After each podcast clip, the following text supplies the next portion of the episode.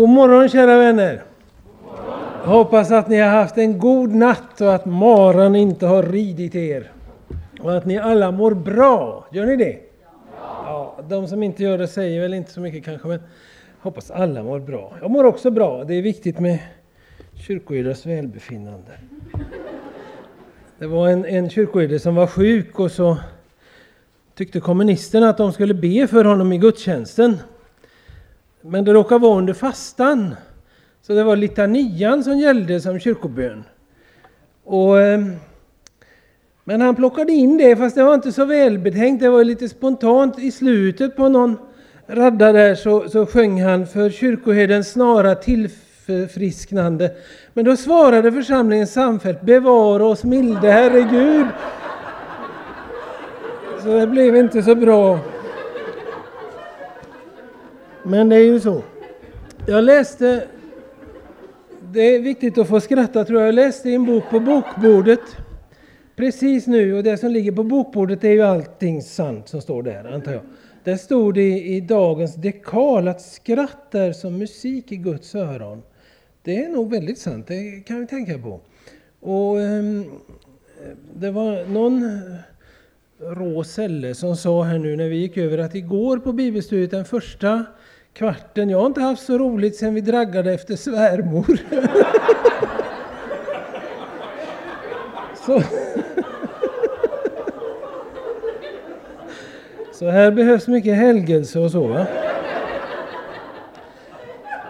Annars tror jag det är väldigt nyttigt om jag får ha en synpunkt på det här med idrottsaktiviteter i eftermiddag som jag inte har en aning om och aldrig har utövat i någon större omfattning. Men jag tror det är nyttigt det här med att spela boll faktiskt.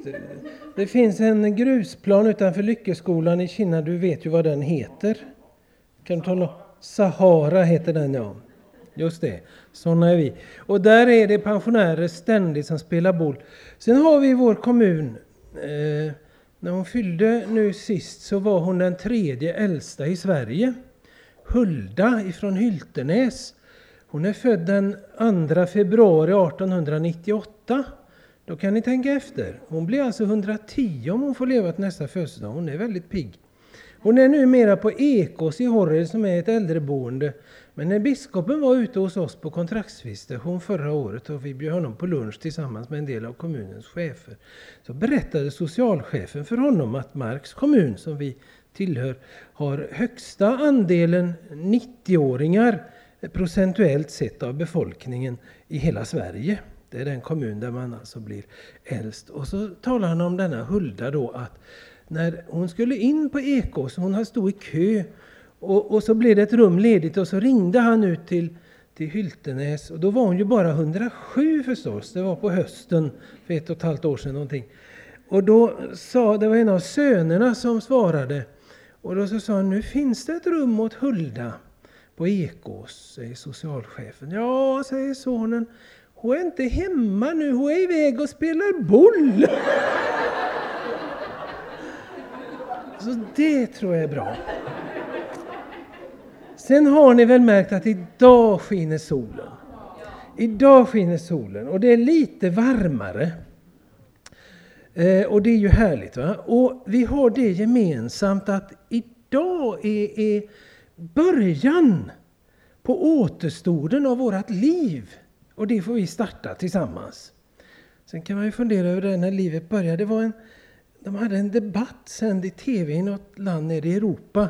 Det var om den nu ständigt aktuella abortsituationen och sådär. Och de hade i panelen en, en eh, romersk katolsk ärkebiskop en person från Lutherska världsförbundet och en judisk rabbin. Och så kom frågan någon gång mitt i samtalet från programledaren. När börjar egentligen livet? Vad säger ni? Och då säger eh, romaren, det börjar i konceptionsögonblicket. Och lutheranen säger ja, det, man kan inte svara så enkelt och det är egentligen en lång process och bla bla bla bla bla och sådär. Och så gick frågan över till rabbinen och han satt tyst en lång stund och så säger han När alla barn har flyttat hemifrån och hunden är död, då börjar livet. Och det är ju också ett svar. Den här har nog Hyssnaborna hört förut, för jag har fått det från Yngve Kalin. Eh, vi delar ibland lite historier. Sen bara en sak till innan vi ber och går in i Guds ord. Men det är skrattmusik i Guds öron. Eh, om det är någon som har gått nu och tittat på parkeringsplatsen efter en förfärligt ful grön bil så är den gröna färgen inte så ful som Greta i Jinkalunda tyckte. Eh, och, och, jag har valt bil inte efter färg utan efter någonting annat som jag ska avslöja alldeles strax. Men vi hade ett samtal här i kön nu till maten. De här unga männen som spelade så vackert vid aftonbönen igår kväll. Eh, så frågade jag den här familjen då, hur i all världen får ni in harpan med er så här? Det, det vore ju lättare med munspel. Ja, säger pappa, man får ju ha bil därefter och, och vi konstaterade att i Ford Focus så fick den faktiskt plats, så det fick bli en, en sån. Så vi har liksom lite olika motiveringar för detta att välja bil. När vi bytte bil senast så var det nummerskylten definitivt som avgjorde. Det SKK 339. SKK, Svenska kyrkan Kinna. Och 339 det är en väldigt härlig treenighetssalm från Sydamerika i sandboken. Helige himmelske Fader, ge åt oss alla glädje och renhet, längtan och sånger. Och så kommer det i tredje versen, helige Ande var i vår svaghet, nu med Guds kärlek fyll våra hjärtan. Och så är det en sån härlig vers om Jesus där i mitten. Så det tyckte jag, det är ju ett underbart vittnesbörd ute på vägarna. Det förutsätter ju att alla har en psalmbok i bilen och tänker som jag, men det gör de väl? De jag möter, eller hur? Hoppas jag. Vi hade, en gång så hade vi en, en bil som hade registreringsnumret MKA 228. Och det tydde mina barn till Mika 2, 2-8, och slog upp och hittade där i sjätte versen. Så sluta upp då med att predika. Det höll de framför mig. Jag har inte lytt dem, man kan inte lyda sina barn. Det borde vara tvärtom. Nu ber vi, annars blir det ingen ordning på oss. Herre, vi tackar dig för den här nya dagen och för att du ger oss ännu en morgon. En morgon med sol och med glädje. När vi får se varandra i ögonen och le mot varandra och känna att det är gott att få vara Guds barn tillsammans på denna jorden. Och så har du sagt genom din profet att du kan varje morgon väcka våra öron till att lyssna på lärjungasätt och vi ber att du gör det nu, Herre. Vi ber att du kommer hit med din heliga Ande. Och ditt ord är fyllt av liv, men vi är inte alltid det. Så du behöver göra oss levande med din heliga Ande, så att vi kan ta emot det liv som du vill ge oss i ditt ord. Gör det undret med oss på nytt, Herre. Du vet vad vi behöver. Du vet var vi befinner oss. Du vet vad vi bär på. Du vet vad som oroar oss och vad som gläder oss. Tack för att du vill möta oss där vi är, var och en. I Jesu namn. Amen. Mod att vara människa gör som hon. Får jag bara gå tillbaka. Det är härligt tycker jag sådana här möjligheter man ibland då får som som talare i sådana här sammanhang. Att man får läsa Bibeln, lägga ut Bibeln lite grann i följd. Och, och, och ha lite tid för det. Det har vi ju sällan i vanliga gudstjänster och så. Den möjligheten. Eh, då är jag lite nyfiken på, det var ett par grupper som fortsatte att prata om Lukas-texten igår då. Eh, om ni vill så får ni gärna respondera tillbaka till mig. Jag hade liksom en liten punkt där på den lappen som ni kanske fick om eh, viktiga tankar att skriva ner och dela med alla. Och då hade jag tänkt så här att ni har naturligtvis väldigt mycket kloka saker. Och eh, i slutet på era samtal och så, så kanske ni kunde formulera någonting som någon har sagt på någon lapp. Och så tänkte jag att det kunde anslås här någonstans. Jag vet inte om det har skett eller det har gått fram. Eller, det måste inte ske heller. Men det vore ju fint om det är något värdefullt som alla kunde dela i, i matsalen eller här utanför eller någonting sånt. Sådana här små lappar. Eh, det får ni gärna göra så. Och så var det det här med den barmhärtige samarien. Hur många här känner till namnet Bo Giertz? Ja, det är ju de allra flesta. Hur många har lyssnat på Bo Giertz? Det börjar ju bli några år sedan nu. Ja, det är rätt så många också. Han blev ju av Kyrkans Tidning, Kyrkans Tidnings läsare, får man väl säga, utsedd till förra århundradets största kristna personlighet i Sverige eller någonting sånt där. Jag minns inte vad, vad de kallade det. Men det blev Bo Giertz. Och, och, jag var inte med i den omröstningen men jag tyckte ju att det stämde. Det var väldigt bra. Jag, jag menar, jag var inte med och röstade. Det ska ni inte missuppfatta. Men jag skulle ha röstat så också tror jag, om jag hade röstat.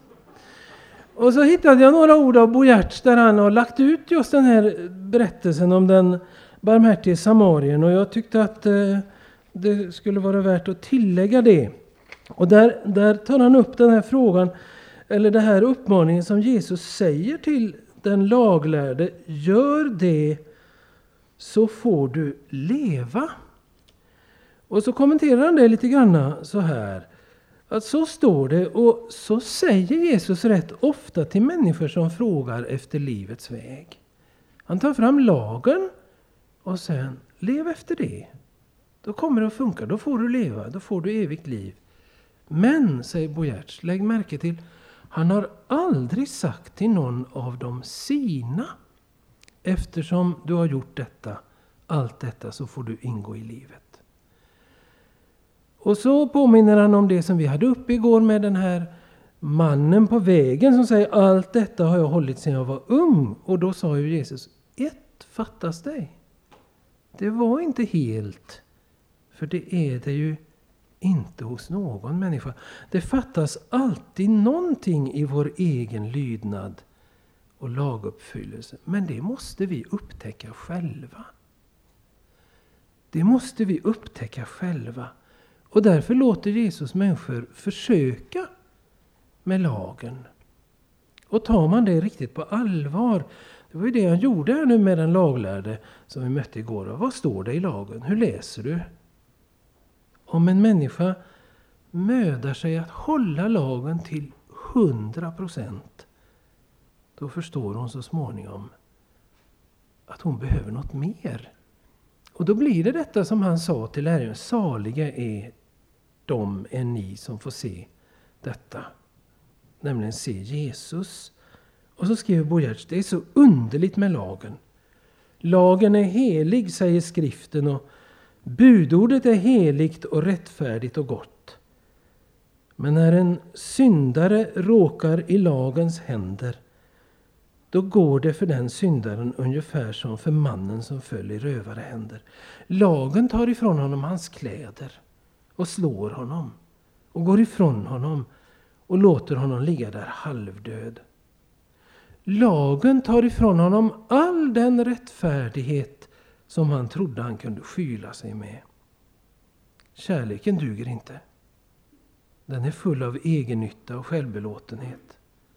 Ångern duger inte heller. Den är full av självömkan och egenkärlek och falskhet. Ingenting duger.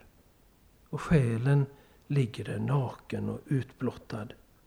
Och lagen slår själen och låter slagen falla hårda och svidande. Du har aldrig älskat Gud av hela ditt hjärta. Du har aldrig gjort något gott utan att efteråt berömma dig själv eller hoppas på beröm av andra. Du har aldrig bett ens ett Fader vår med full andakt. Och du kan inte ens bekänna dina synder utan att tänka förströdda och egenkära tankar. När lagen så har slagit själen går den sin väg och säger Du får hjälpa dig själv. Du får se till att du håller buden ordentligt. Rena dina sår, så får du komma sen. Men själen ligger där halvdöd och sönderslagen och kan inte alls resa sig. Då kommer Jesus vandrande vägen fram och förbarmar sig över själen. Han böjer sig ner över den och gjuter sin olja och sitt vin i såren, sitt evangelium, sitt heliga och dyra blod och lyfter upp själen och tar den i sin vård. Han gör som den barmhärtige samarien. Han betalar för den stackars människan som själv är utblottad. Allt detta kan han göra därför att han själv lidit och blivit slagen och övergiven för att sona vad hans bröder brutit. Han tar sig an vår sak. Och nu kan han ta vara på varje stackars sårad själ och föra den hem till härberget och betala allt som fattas. Och nu säger skriften, om nu Gud har älskat oss så, då är också vi pliktiga att älska varandra. Kristi kärlek lämnar mig inget val, ty jag har förstått att om en har dött för alla, då har alla dött. Och detta som han har gjort för mig, det har han gjort för alla. Han är det offer som sonar våra synder, och inte bara våra, utan hela världens. Så långt Bo Gertz. Jag tyckte det var så klargörande i tillägg till det igår. Bo var född den 30 augusti 1905 och han dog ungefär vid den här tiden eh, 1998. Han gick i pension när han var 65 år. Och det här var en bit av det tal han höll vid sin sista förrättning som biskop när han invigde småkyrkan i Grimsås allra längst borta i, i västgötadelen av Göteborgs stift mot Smålandsgränsen. Bara sagt som en parentes. En annan parentes. När den mycket vitale Bo Giertz fyllde 85 år så hade GP en intervju med honom och frågade vad han hade gjort för att behålla sig så frisk och vital och spänstig och andligt alert. Och då svarade den gamle biskopen jag vet inte, men jag kan tänka mig två saker. Jag har aldrig idrottat och jag har aldrig ätit grönsaker. Och eh, det kanske vi inte ska ta fasta på, men det är en ganska skön inställning tycker jag till eh, förhållandena i vår tid. Nu fortsätter vi och läser i Lukas 10. Medan de var på väg gick han in i en by och en kvinna som hette Marta bjöd honom hem till sig.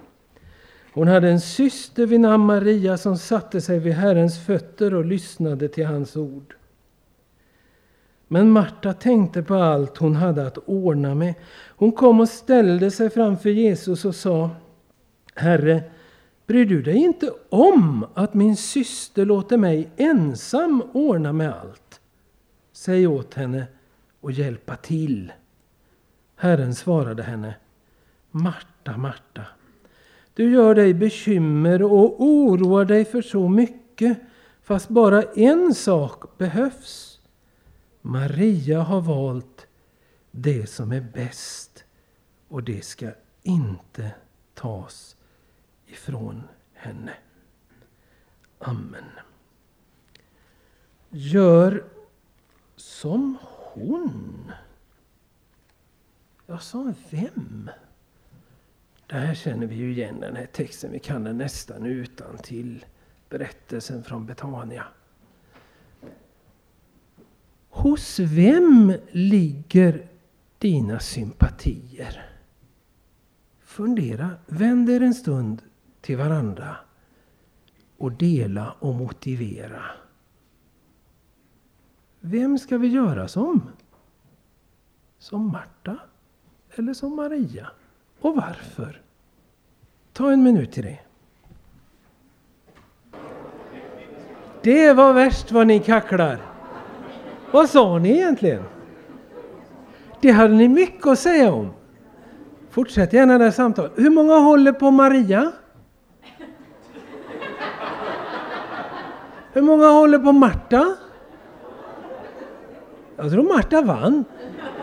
Hur många tycker vi ska göra som bägge? Ja, det var rätt många. Därmed skulle ju det här bibelstudiet kunna vara avslutat.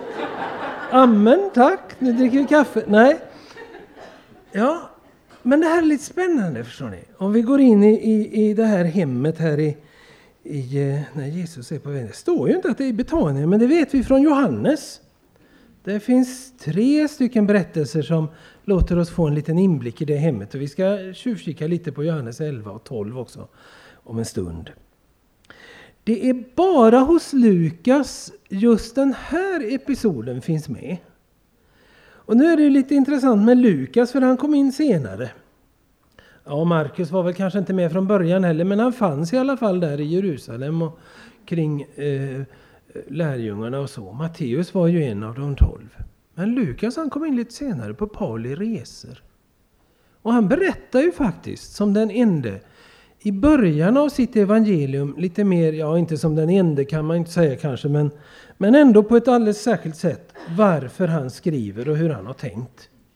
Han vill i tur och ordning skildra de viktiga händelser som har ägt rum kring Jesus. Är det ju frågan om. Han vill presentera det för någon som inte har varit med. Han skriver för sådana som inte är judar, inte fanns på ort och ställe.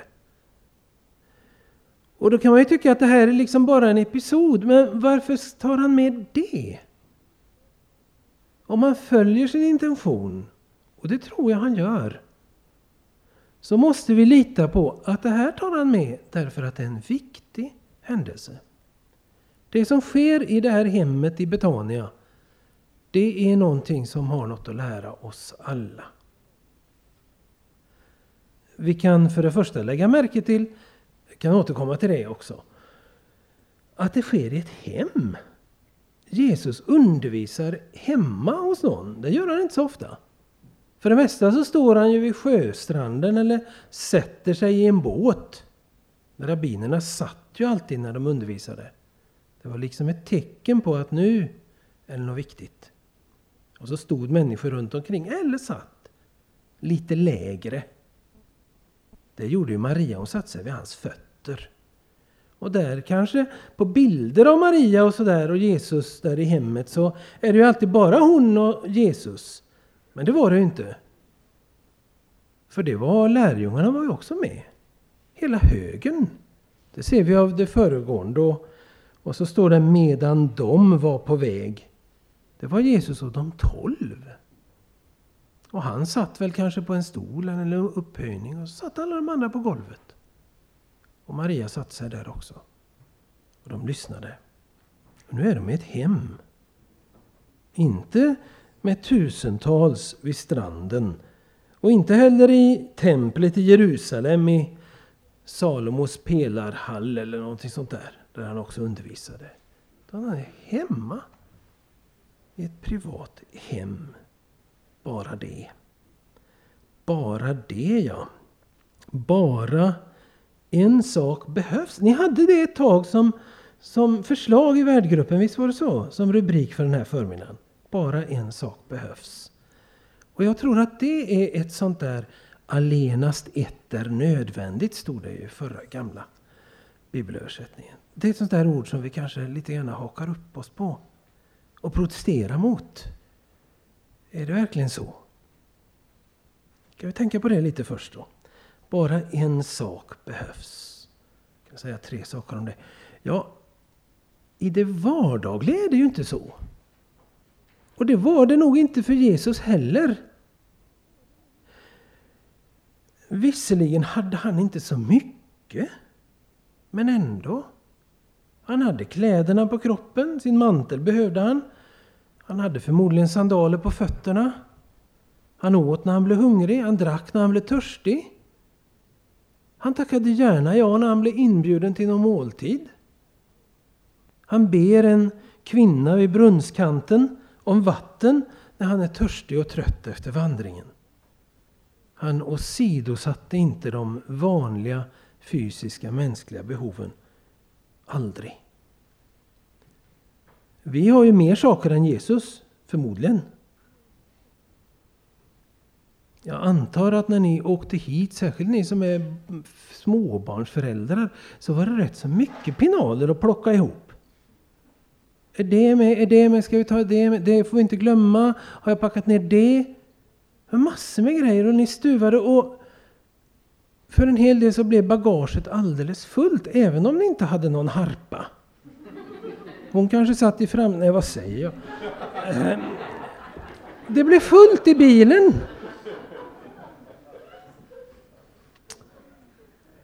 Då hade ju i det ögonblicket när ni höll på där hemma och plockade och pinnade och sprang omkring och, och klockan gick och ni skulle vara på Hjälmared, det skulle börja då och då och ni hade en bit att köra och alltihop det här.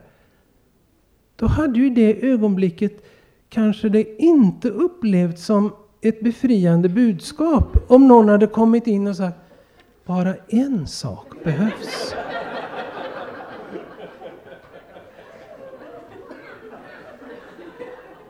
Ta med Bibeln. Strunta i blöjorna. Det ordnar sig. Det hade ju inte varit något evangelium. Eller så. Och jag tror inte att Jesus säger de här orden för att Marta ska få dåligt samvete eller känna sig ännu mera tyngd. Han är ju inte riktigt sån. Så är ju vi ofta mot varandra. Men aldrig han. Så vad menar han egentligen? Allt vi har, mycket det vi har är ju onödigt. Vi skulle kunna klara oss utan det. Vi lever i ett prylsamhälle som plågar oss. Inte sant? Min oro som jag inte riktigt kan lämna, jag vet inte riktigt vad jag ska göra av den för jag får ta tillbaka den i sista änden ändå. Det är nu mitt föräldrahem med sex hus. Där min pappa som dog för en dryg månad sedan var den siste. Och, och där han har bott sedan 1945. Och som är fulla av grejer. Är det någon som vill ha en rostig gödselspridare så prata med mig. Eller ett gammalt tröskverk. Ni får det gratis. Om ni kommer och hämtar det. Vad ska vi göra med det? Jag har inga syskon heller. Vi har för mycket. Fast en gång var ju både gödselspridaren och tröskverket nödvändigt hemma för vår överlevnad.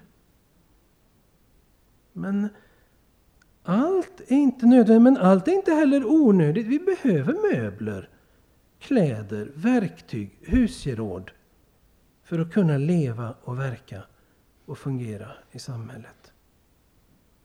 Det här är inte så enkelt. Och det är nog viktigt att vi tänker efter ibland och tänker på att Gud har menat att vi ska vara förvaltare. Ta hand om skapelsen åt honom. Fundera på, behöver jag det här? Kan jag ge det vidare? Hur fördelar jag det som jag har fått att förvalta?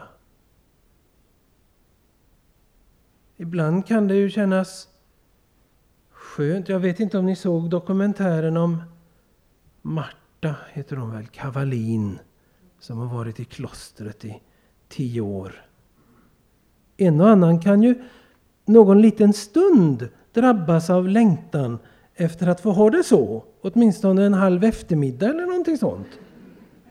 Och slippa ta ansvar för alla dessa grejer och prylar och pryttlar och förhållanden och omständigheter som vi andra är omgivna av och som fyller vår vardag. Men de flesta av oss har inte kallelsen till det. Utan vi har någon annan kallelse. Men vad är det då?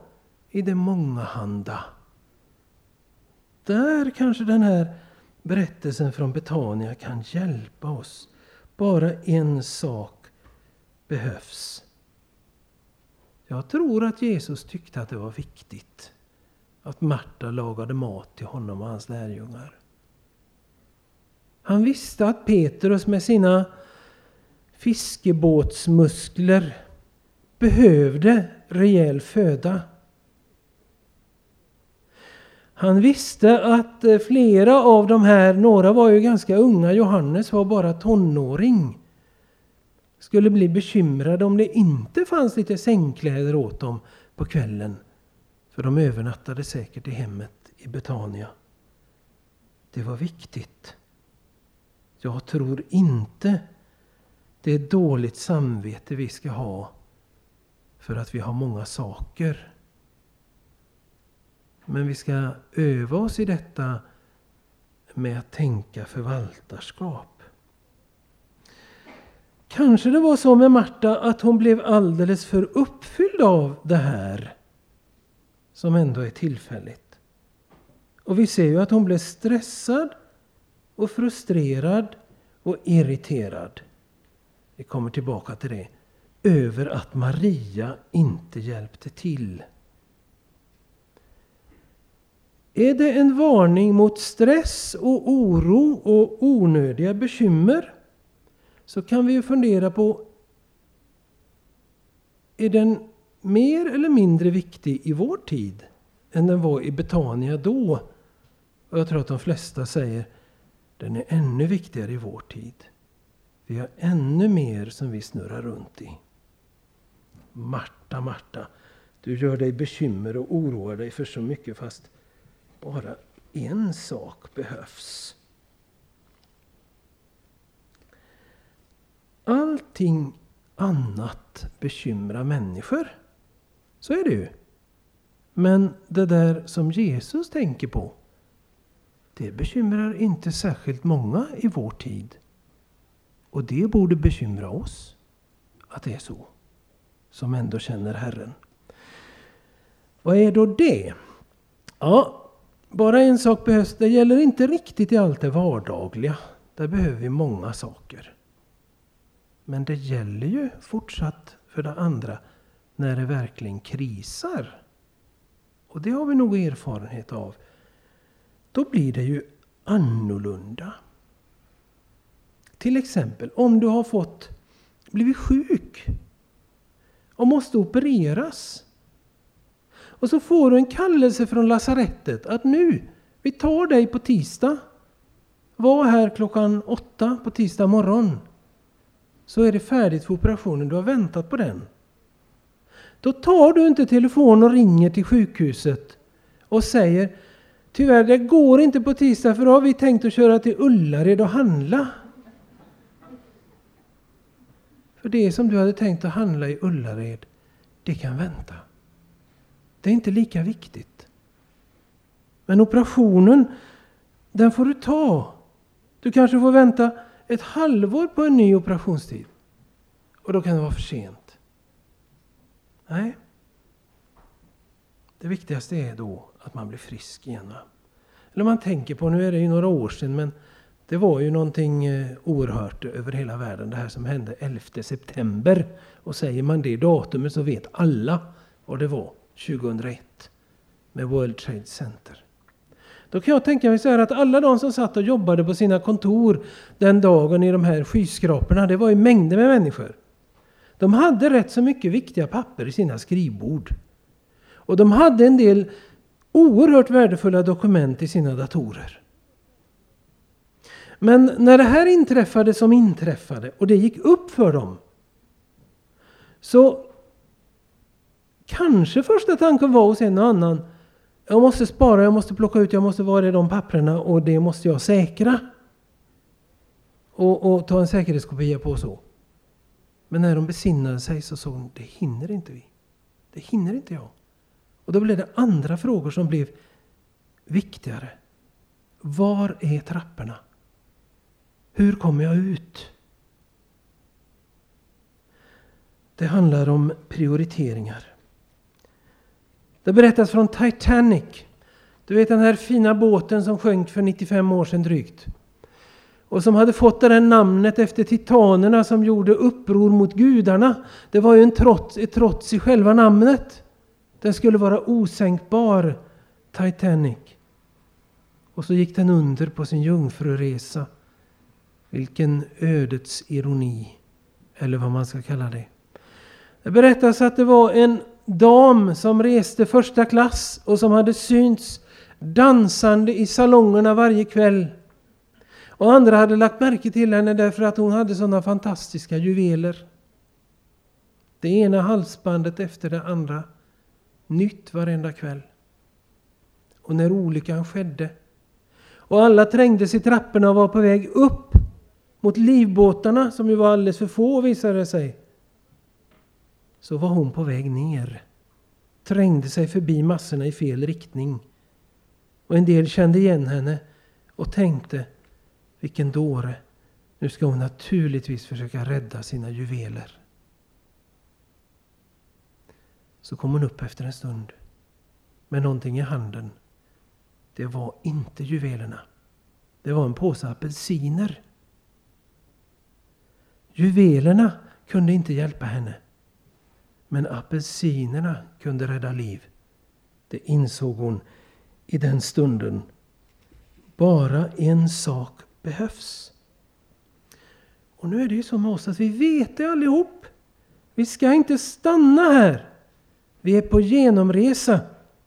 Det jordiska livet är så skört och vi får inte alltid förvarningar om när det är slut. Och det finns någonting nedskrivet från den allra första kristna tiden som är så här. Livet är likt en bro. Gå däröver, men bygg inte din hydda på den. Bara en sak behövs. En sak till innan vi tar lite paus. Det var ju alldeles speciellt den där dagen när Jesus kom på besök i Betania. Jesus är ju den som har de rätta perspektiven. Det har inte vi.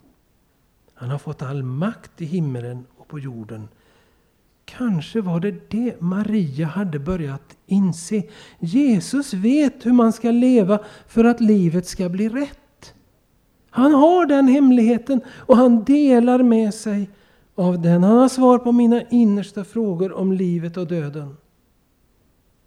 Han vet på förhand hur jag tänker, hur jag känner, hur jag är. Bättre än någon annan. Och ändå är det så att han har en mild och fast röst.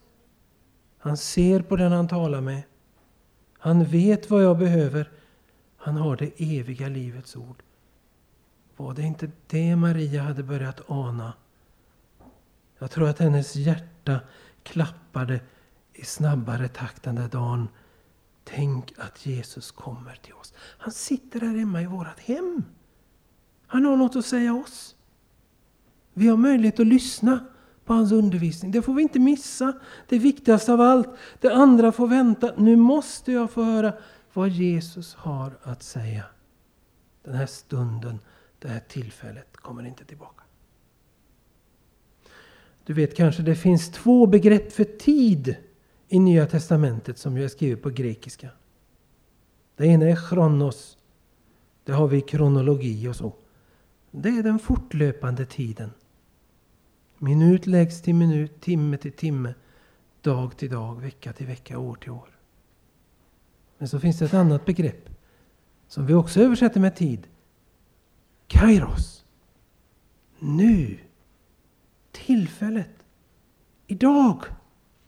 Det blixtrar till. Paulus skriver i Andra Korintierbrevet.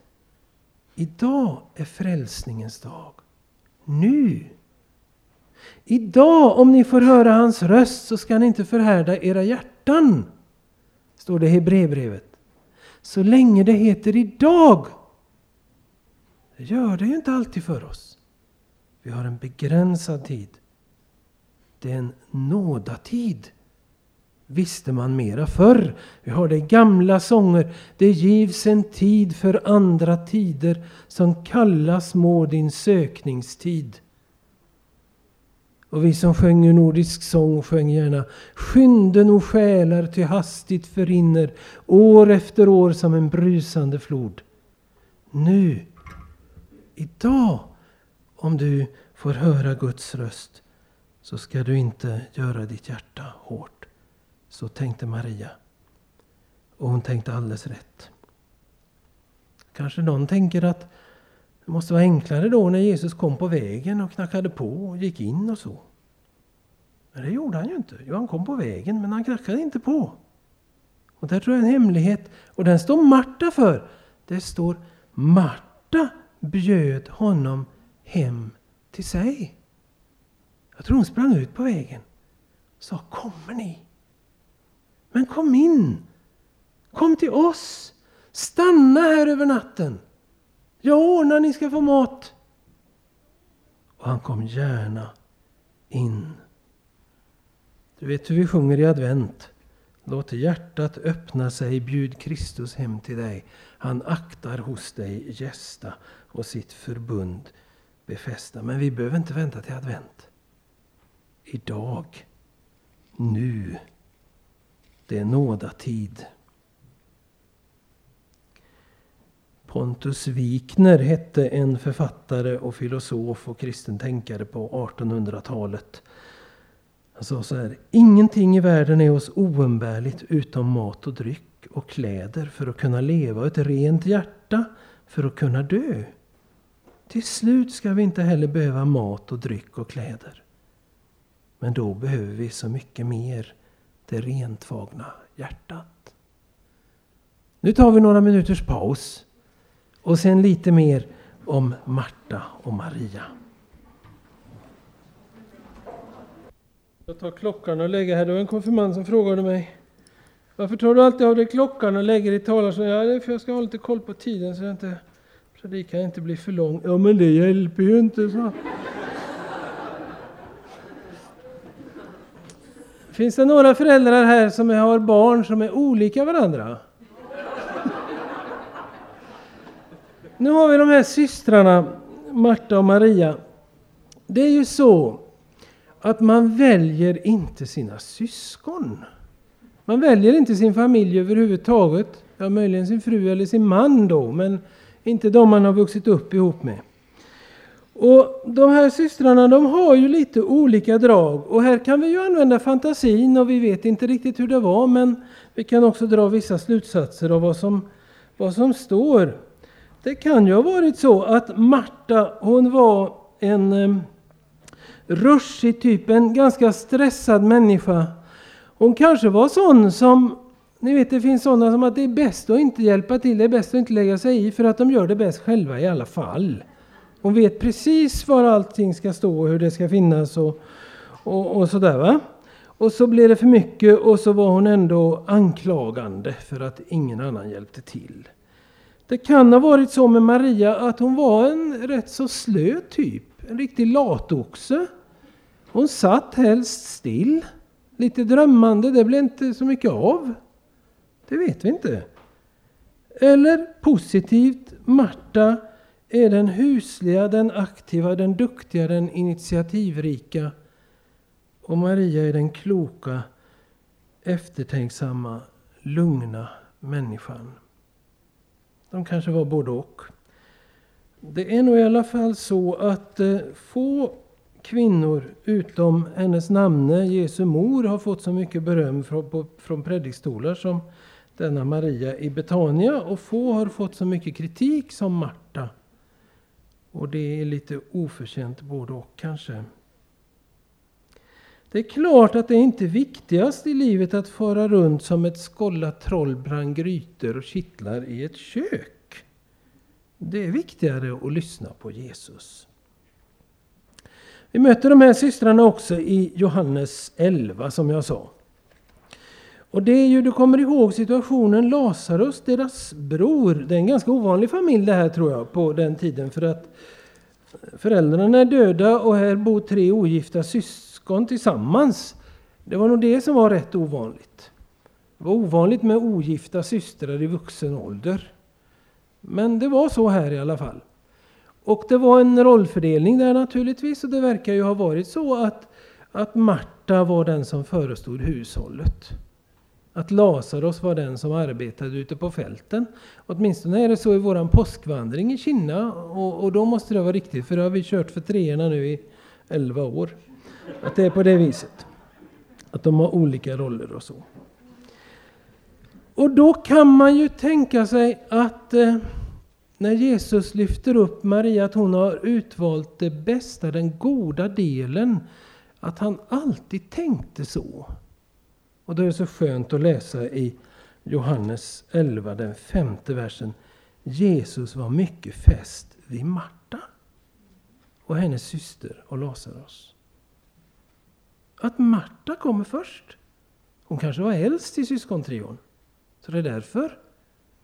Men det kan ju också vara så en liten påminnelse, justering till Lukas. För även om evangelisterna som höll i pennan inte hade koll på den här justeringen så är ju detta Guds ord och Gud vet allt. Och Gud visste när detta skrevs ner att vi skulle sitta och fundera över detta den här förmiddagen på Hjälmared.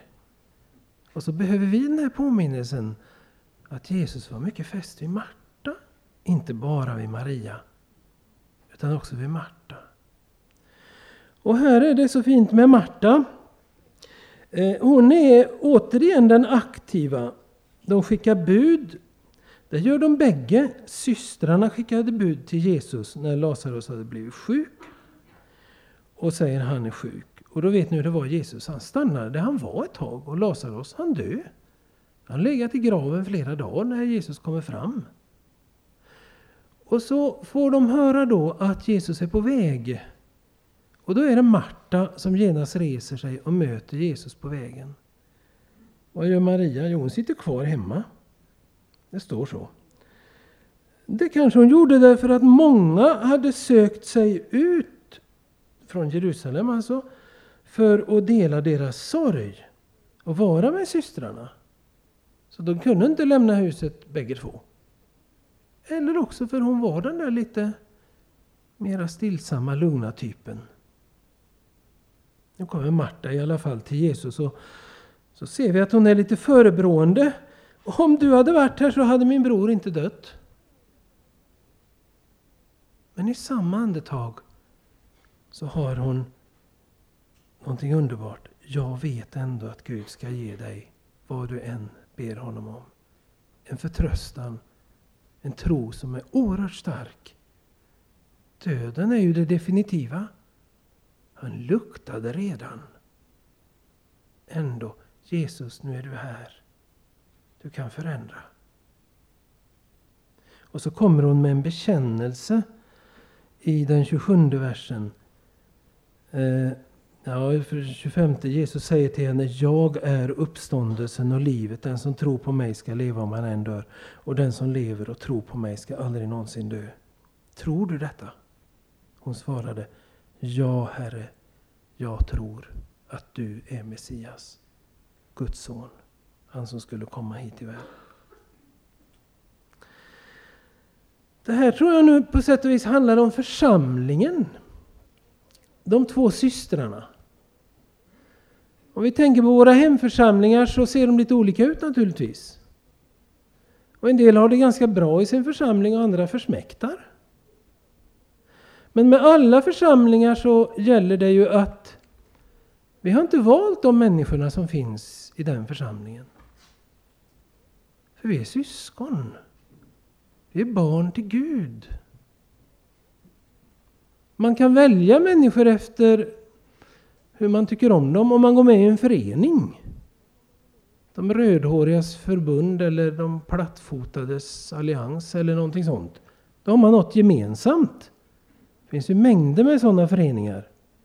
Det är inte säkert det fungerar heller i relationerna, men det finns ändå någonting som, som binder en samman om man har frivilligt gått in där. Det är inte som en Kristi kyrka. Vi är födda in genom dopet. Vi är syskon. En del av de syskonen hade du helst valt bort om du hade fått välja själv. Och ganska många hade valt bort dig om de hade fått välja. Eller? Men vi får inte välja. Gud älskar oss alla. Han har fött oss.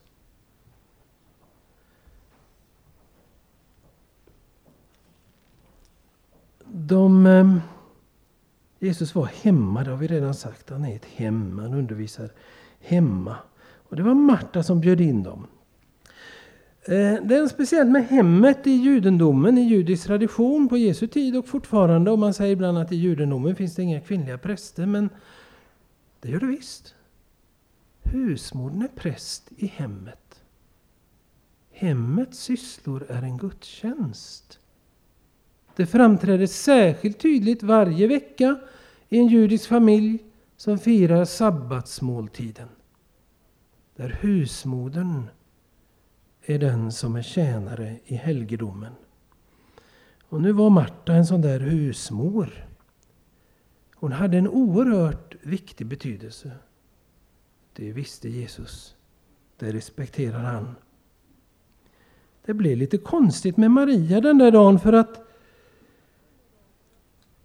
han undervisade ju lärjungarna. De var ju lärjungar just för att låta sig undervisas. Och Marta hade ju fog för att tycka att där ska väl inte Maria sätta sig. Bland dem. Det var väl inte hennes plats. Men som vi har sett så kanske hon tänkte ett steg längre. Det här är Guds kairos till vårt hem. Hemmets gudstjänst är både och. Det är både det här med bordet och ordet.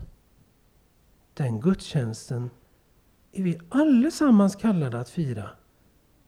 För vi har ju alla förmånen att ha ett hem.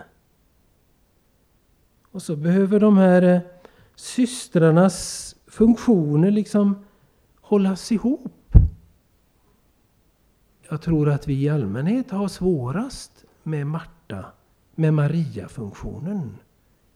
Att sitta stilla vid Jesu fötter. Den behöver vi kämpa med, be om att få ordning på. Det visste Lina Sandell. Hinner vi sjunga två verser på 207 i psalmboken? De två sista verserna. Jag tror vi gör det. Jag ska avsluta sen. Nu är det så att platsen vid Jesu fötter, den blir alltid ifrågasatt. Bo Brander skriver så här. Det krävs ett visst mod, för man blir alltid kritiserad när man sätter sig vid Jesu fötter. Men intag denna underbara plats och låt den vara din. I en helig bekymmerslöshet om vad folk runt omkring ska säga. För det är den mest läkande och skapande plats som finns. Det är den plats där alla perspektiv blir rätt. Även på allt aktivt som behöver göras. Det är lite grann av en Ferdinandplats. Där man kan sitta i helig bekymmerslöshet och lukta på Jesu fötter. Det är inte för att vara rolig jag skriver detta. Det sitter nämligen en Maria i Johannes 12 kapitel.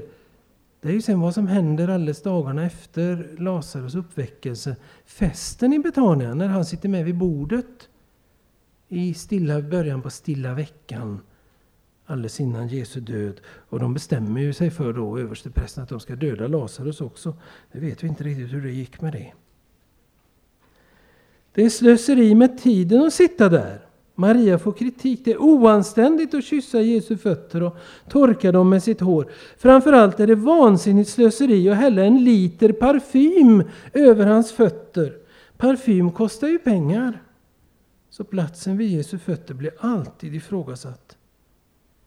Ändå är den platsen tillvarons hjärta. Det är där som världen förvandlas. Om jag får anknyta till just den episoden, när Maria hällde parfymen över Jesu fötter. Johannes skriver att huset uppfylldes av lukten. Det är förmodligen en av Bibelns mest onödiga upplysningar. Prova själva, får ni se. Slå sönder en liter parfym, det kommer att stinka i hela lägenheten.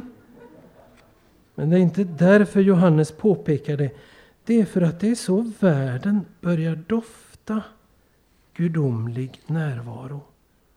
Det som ges till Gud, det som hälls över Jesu fötter, det sprider sin doft så att alla i världens unkna hus kan njuta av den doften. Så långt Bo Brander.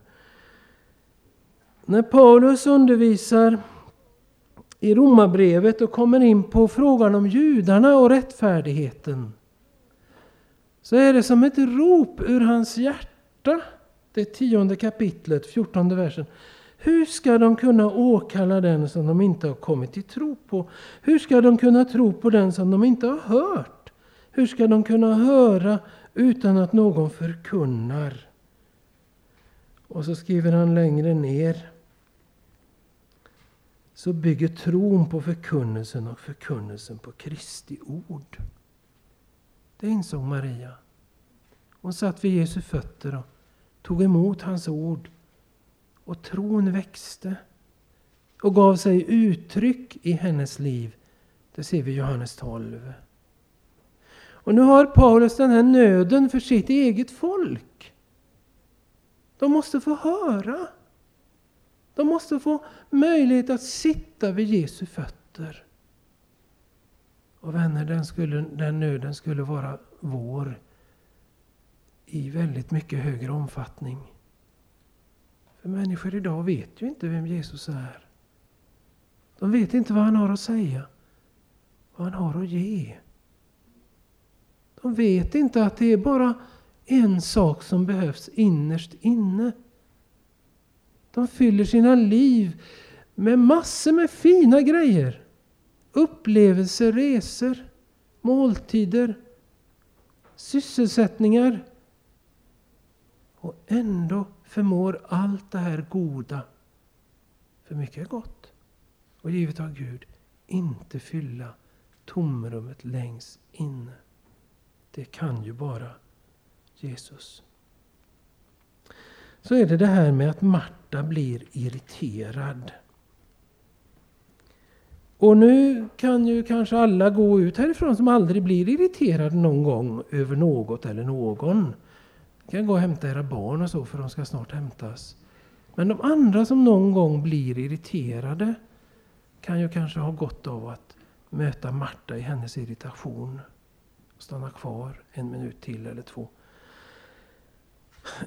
Betania betyder bekymrens hus. Jag tror Guds pedagogik är sån att det hände just i den byn. De råkade bo där för att det har något att säga om våra bekymmer.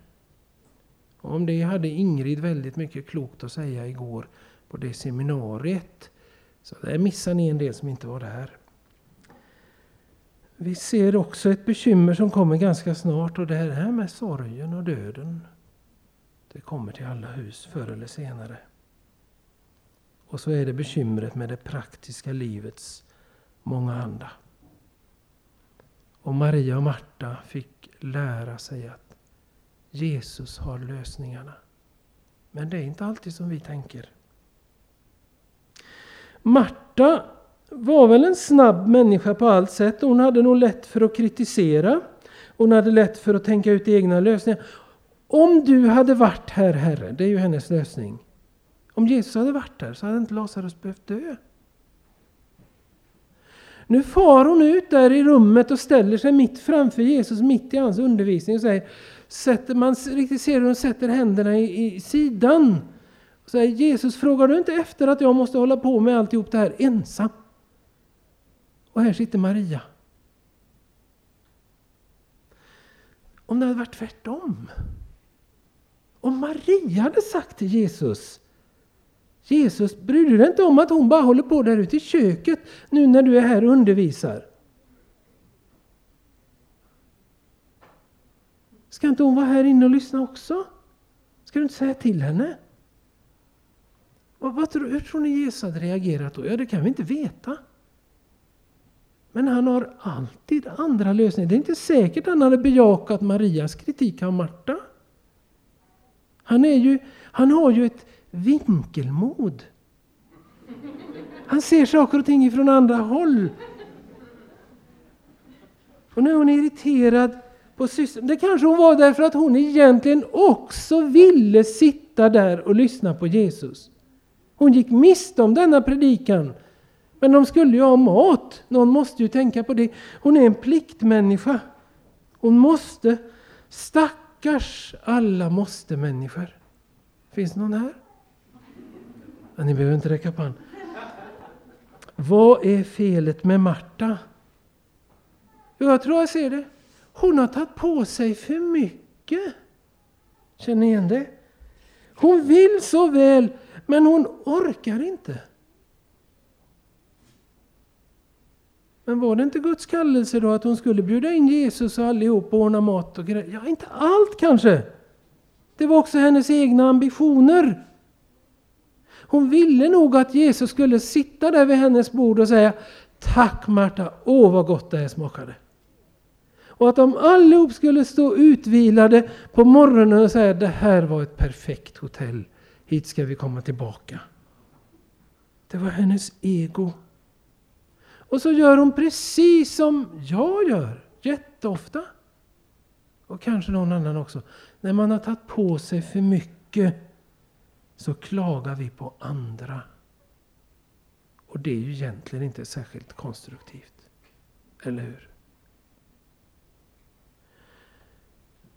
Så får vi lägga över ambitionerna vid Jesu kors. Eller i den där krukan. Fast det är inte så lätt. Säga tulipanaros, men görat. Och de här orden i bergspredikan Gör er inga bekymmer. De är så sanna. Vi gör oss så mycket bekymmer. Var dag har nog av sin plåga. Sök först Guds rike och hans rättfärdighet så ska allt detta andra. Eller, och det stavar jag på ofta, där i Johannes 11, Matteus 11 är det, 28-30, när Jesus säger Ta på er mitt ok. Han lyfter inte av de där tunga vattenhinkarna. Han säger, ta på er mitt ok. Så du får distans till bördan. Och kan gå lättare. Och lär av mig. Ty jag är saktmodig och mild av hjärtat. Vilken lärare. Vad gör vi nu med systrarna? Vi låter dem sluta fred. Och jag tror att de finns inuti dig och mig bägge två både Marta och Maria. Och de finns i våra församlingar. Och de finns i kyrkan. Ibland som fiendegrupper, allt för ofta. De där som bara sitter och sysslar med Bibeln. Och de där som bara håller på med det sociala. Kom ihåg att han är lika fäst vid bägge systrarna. Fös inte bort Maria som har satt sig på världens viktigaste plats. Var rädd om hennes hållning att lyssna till Jesu röst. Att vara nära honom, se upp till honom i tillbedjan, lovsång, komma med sina tårar vid Jesu fötter.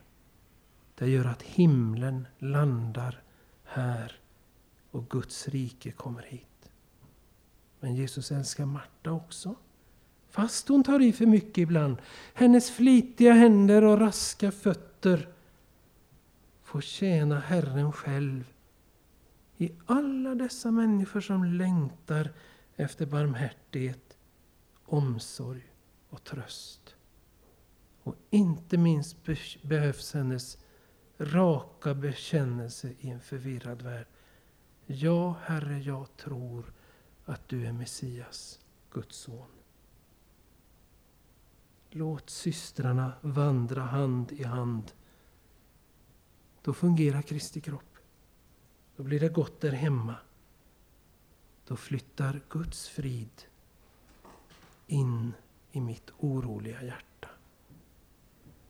Så gör som båda. Amen. Vi tackar dig Herre för Marta och vi tackar dig för Maria och vi tackar dig allra mest för att du är sådan du är. Tack för att du också vill besöka oss i det innersta. Amen.